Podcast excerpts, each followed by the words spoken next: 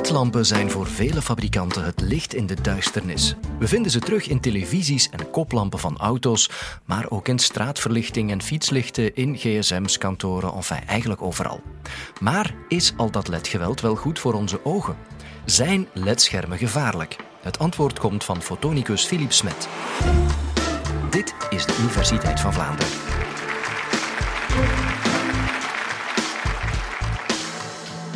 Laat het mij eerst vanuit het standpunt van de fysica bekijken. LED's, lichtimiterende diodes, zijn fantastisch. We kunnen ze heel klein maken, ze kunnen heel veel licht geven, ze kunnen super-efficiënt elektriciteit omzetten in licht. We kunnen warm-witte ledlampen maken, koud-witte ledlampen. Je kunt ze gemakkelijk dimmen, ze gaan heel lang mee, ze verbruiken nauwelijks elektriciteit. Eigenlijk is het fantastisch. Maar toch, toch zijn er eigenlijk wel klachten. Er zijn mensen die zeggen dat ze ons slaappatroon verstoren, dat ze ons bioritme verstoren. Ehm, er zijn studies die bijvoorbeeld straatverlichting, waar ledverlichting heel goed voor geschikt is, die dat koppelen aan een verhoogde kans op kanker bijvoorbeeld. Sommige mensen krijgen er hoofdpijn van. Is er dus eigenlijk iets mis met de technologie? Iets inherents mis? Of gebruiken we de LED-technologie verkeerd? En om een antwoord te geven op die vragen moeten we eigenlijk twee dingen weten. We moeten aan de ene kant moeten we weten hoe LEDs werken. En aan de andere kant moeten we kijken hoe het menselijk lichaam reageert op licht.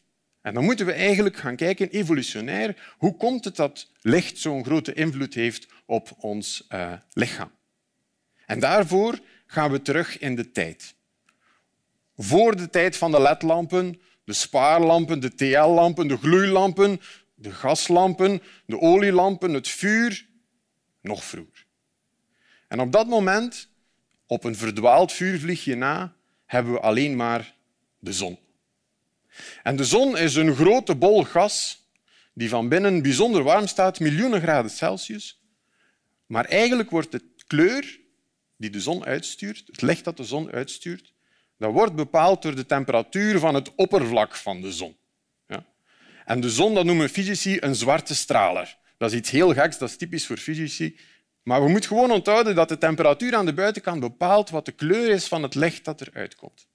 En de zon die stuurt van alles uit. Die stuurt ultraviolet licht uit, dat we niet kunnen zien.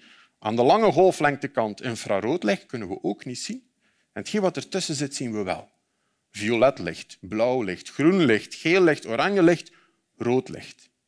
En dat is belangrijk. Je kan dat ook zien aan een regenboog. Een regenboog is niks anders dan het licht van de zon dat in zijn verschillende componenten uit elkaar getrokken is. De volgende keer dat je die ziet, moet je maar eens kijken en dan ga je zien dat al die kleurtjes ongeveer even sterk zijn. Er zitten ook geen gaten in een regenboog. Er ontbreken geen kleuren. Met andere woorden, die zon is een wat we ideale lichtbron zouden noemen. Alle verschillende golflengten zijn daarin aanwezig die we met onze ogen kunnen zien. En bovendien geeft de zon ons een constante stroom van licht. De zon staat daar niet te flikkeren. Elke seconde komen er evenveel lichtdeeltjes toe. Maar natuurlijk, dat licht van de zon is niet constant. Dat weten jullie ook. En een belangrijke rol daarin speelt onze atmosfeer en de verstrooiing van het licht in de atmosfeer. Stel dat er geen atmosfeer was en de zon komt op, dan zie je een pikzwarte hemel met daarin de zon.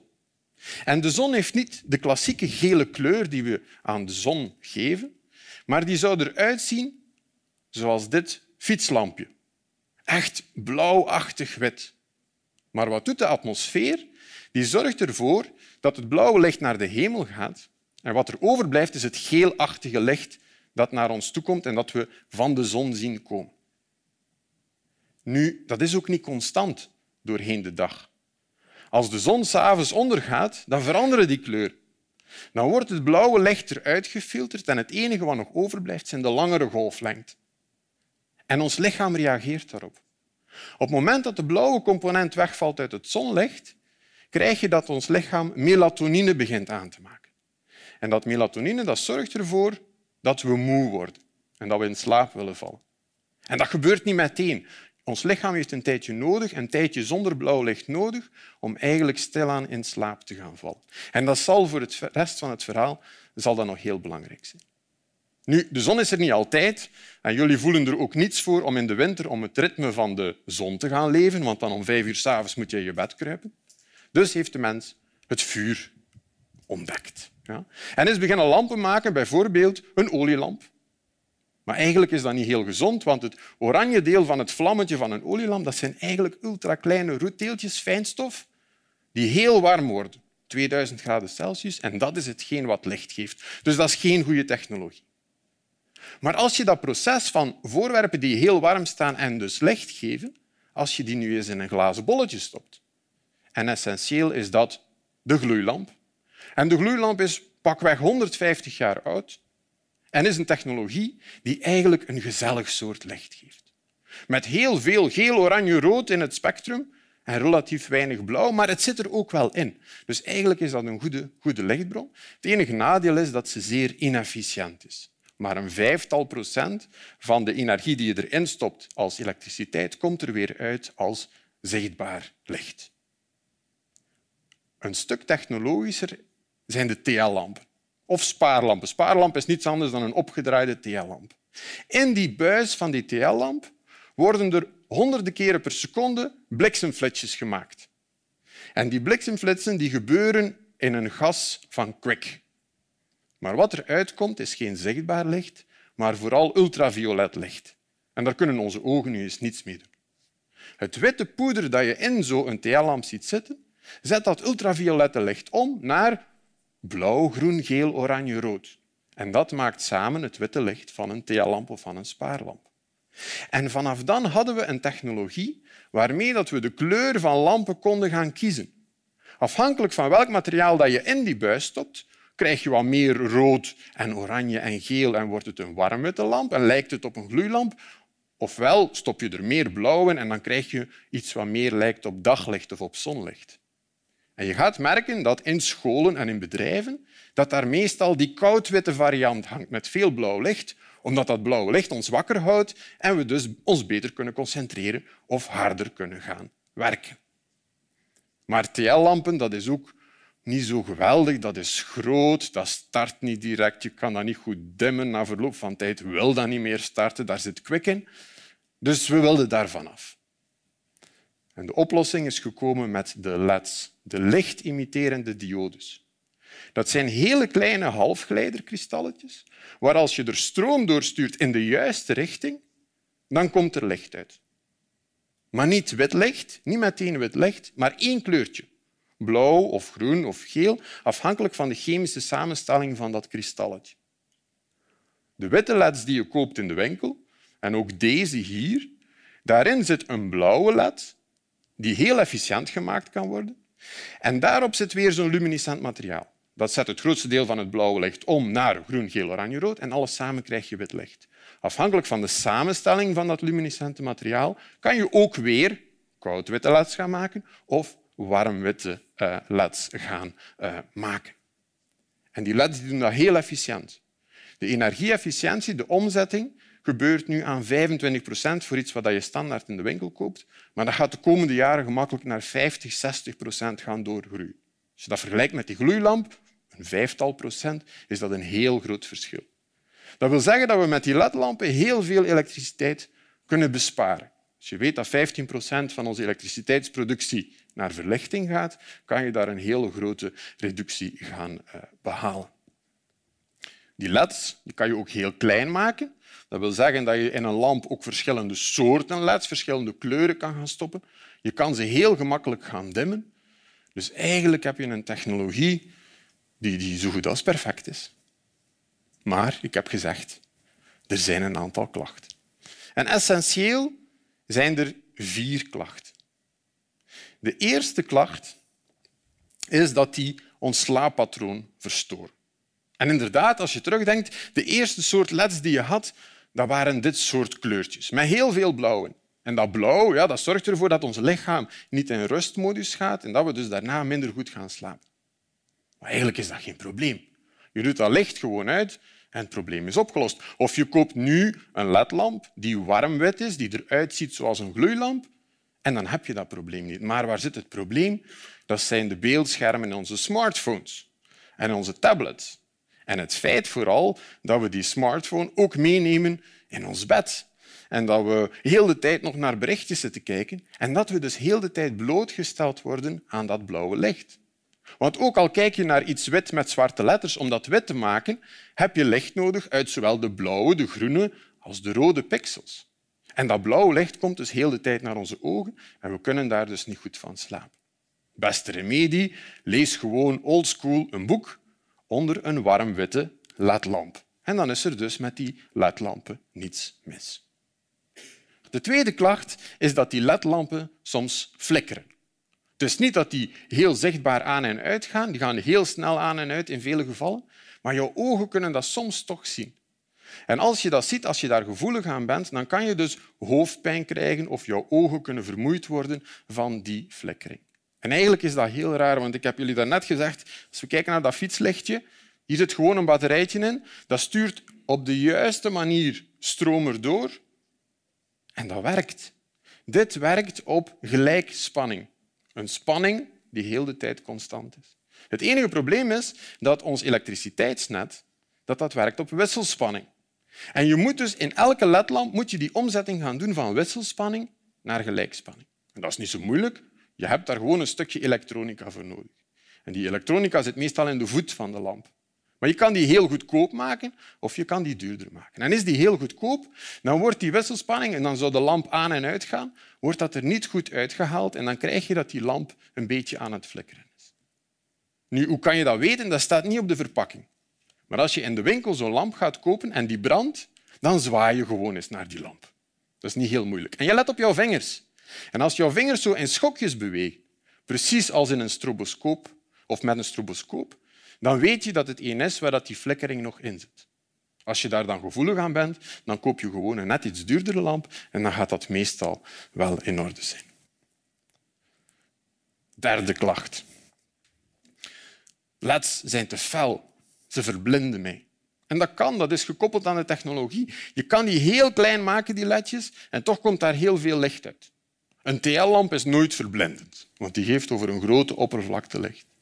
Nu, dat is op zich geen probleem. Bedoel, als je dat optische ontwerp van die lampen goed maakt en je houdt rekening met alle wettelijke bepalingen, dan is er in principe geen probleem met verblinding. Dus je kan dat probleem oplossen. En als er lampen zijn waar je gevoelig aan bent, die te fel zijn, dan moet je kijken naar een ander soort lamp en dan kan je dat probleem gaan eh, oplossen. En dan komen we bij de laatste en bij de vierde klacht. En dat is namelijk dat die ledlampen ons bioritme verstoren. En dat heeft voor een stuk, met een stuk te maken met de lichtvervuiling. Het is zo dat als je s'avonds buiten gaat, steekt de deur open en het is bijvoorbeeld nieuwe maan, dan zou het donker moeten zijn. Maar het is niet donker. Er is heel veel licht van straatverlichting, de verlichting van onze gebouwen, die ervoor zorgt dat het niet meer donker is. Als je naar de hemel kijkt, dan zie je nauwelijks sterren. Dat is allemaal licht dat we maken, dat reflecteert en dat zorgt voor een achtergrond van licht. En dat licht dat interfereert met ons bioritme. Als mens hebben we gewoon dat er normaal een periode van donkerte moet zijn. En er zijn dus studies die het feit dat er in bepaalde straten veel straatverlichting is, gaan koppelen aan een zeer licht, want het is gecontesteerd, een zeer licht verhoogd risico op kanker.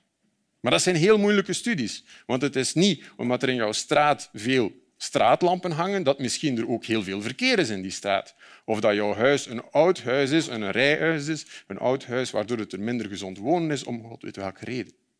Dus het is heel moeilijk om daar een verband in te leggen. Bovendien is het een heel zwak effect en zie het maar op heel lange termijn. En de meeste studies lopen eigenlijk al lang voordat de ledverlichting er was.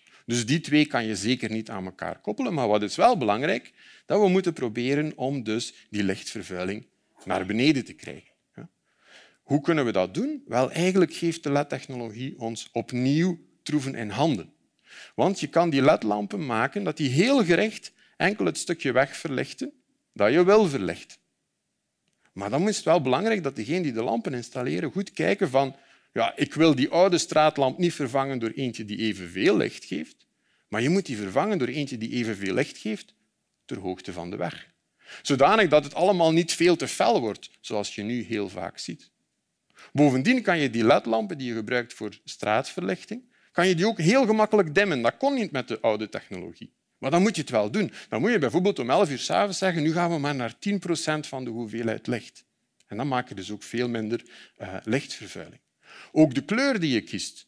Moet daar heel veel blauw in die straatverlichting zitten? Of kunnen we dat ook meer een oranjere kleur geven? Dat gaat al direct een groot verschil hebben op de verstoring van ons bioritme. En we zijn als mens niet alleen op deze planeet. Er zijn ook nog heel veel dieren. Jullie hebben allemaal al gemerkt dat in de zomer rond een straatlamp hangt het vol met motten en insecten die daar helemaal gedesoriënteerd rondvliegen. Wat heeft men gezien? Als je zo oranje straatlampen vervangt door ledlampen, dan komen er meer van die dieren. Waarom? Omdat er meer golflengtes, meer kleuren in zitten en er zijn dus ook meer insecten bijvoorbeeld die daartoe aangetrokken worden. Dat hoeft niet voor iedereen negatief te zijn. Er zijn vleermuizen die dat als een opportuniteit zien en die tegengestelde toertjes gaan vliegen rond die uh, verlichtingspaal. Maar er zijn ook weer andere vleermuizen die van licht niet moeten weten en die wegblijven van die plaatsen waar er veel lichtvervuiling is. En onlangs heeft men in Aalter een straat uitgerust met straatverlichting, met leds, maar leds, geen klassieke witte leds, maar die enkel een oranje-roodachtig licht geven, zodanig dat de vleermuizenpopulatie die daar in de buurt woont minder last heeft van die straatverlichting, maar er toch een veiligheidsgevoel is te gevolge van die lampen. Dus als we terugkeren naar onze vraag zijn ledschermen en bij uitbreiding ledlampen gevaarlijk, dan was dat eigenlijk niet de juiste vraag. De vraag moest zijn, is kunstlicht gevaarlijk? En gevaarlijk is misschien een beetje een groot woord, maar we moeten er wel verstandig mee omgaan. We kunnen bij ledlampen kiezen welke kleur dat we hebben. We kunnen die lampen gaan dimmen. We moeten daar dan ook gebruik van maken om in de juiste situatie de juiste soort lamp, de juiste intensiteit te kiezen. En dan gaat dat goed zijn voor onze eigen gezondheid, dat gaat goed zijn voor ons energieverbruik en het gaat ook goed zijn voor het leefmilieu.